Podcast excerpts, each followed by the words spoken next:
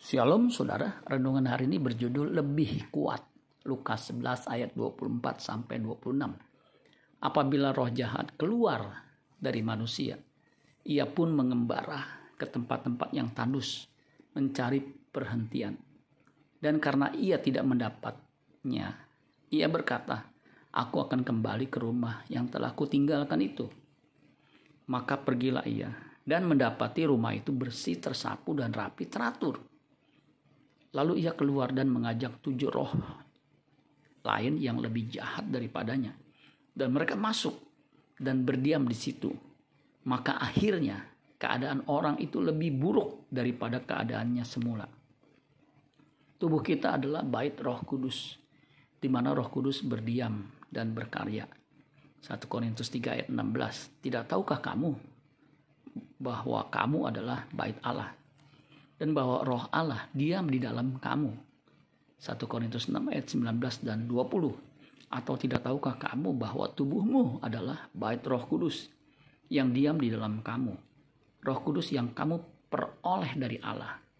Dan bahwa kamu bukan milik kamu sendiri. Sebab kamu telah dibeli dan harganya telah lunas dibayar. Karena itu muliakanlah Allah dengan tubuhmu. Bagaimana bisa orang yang sudah didiami Roh Kudus lalu dikuasai roh jahat. Ketika kita lemah dan tidak menjaganya dan membiarkan rumah kita bersih, maka roh jahat akan masuk bersama dengan tujuh roh jahat lainnya. Hal ini bisa dijelaskan dengan cerita Tuhan Yesus sebagai berikut. Lukas 11 ayat 21 dan 22. Apabila seorang yang lebih kuat, yang lengkap bersenjata, menjaga rumahnya sendiri, maka amanlah segala miliknya. Tetapi jika seorang yang lebih kuat daripadanya menyerang dan mengalahkannya, maka orang itu akan merampas perlengkapan senjata yang diandalkannya dan akan membagi-bagikan rampasannya. Itulah sebabnya kita harus terus-menerus mengkonsumsi firman Tuhan agar manusia rohani kita kuat sehingga kita bisa mengalahkan serangan kuasa jahat. 1 Yohanes 3 ayat 7 sampai 9. Anak-anakku, janganlah membiarkan seorang pun menyesatkan kamu. Barang siapa yang berbuat kebenaran adalah benar, sama seperti Kristus adalah benar. Barang siapa yang tetap berbuat dosa, berasal dari iblis, sebab iblis berbuat dosa dari mulanya. Untuk inilah anak Allah menyatakan dirinya, yaitu supaya ia membinasakan perbuatan-perbuatan iblis itu. Setiap orang yang lahir dari Allah tidak berbuat dosa lagi.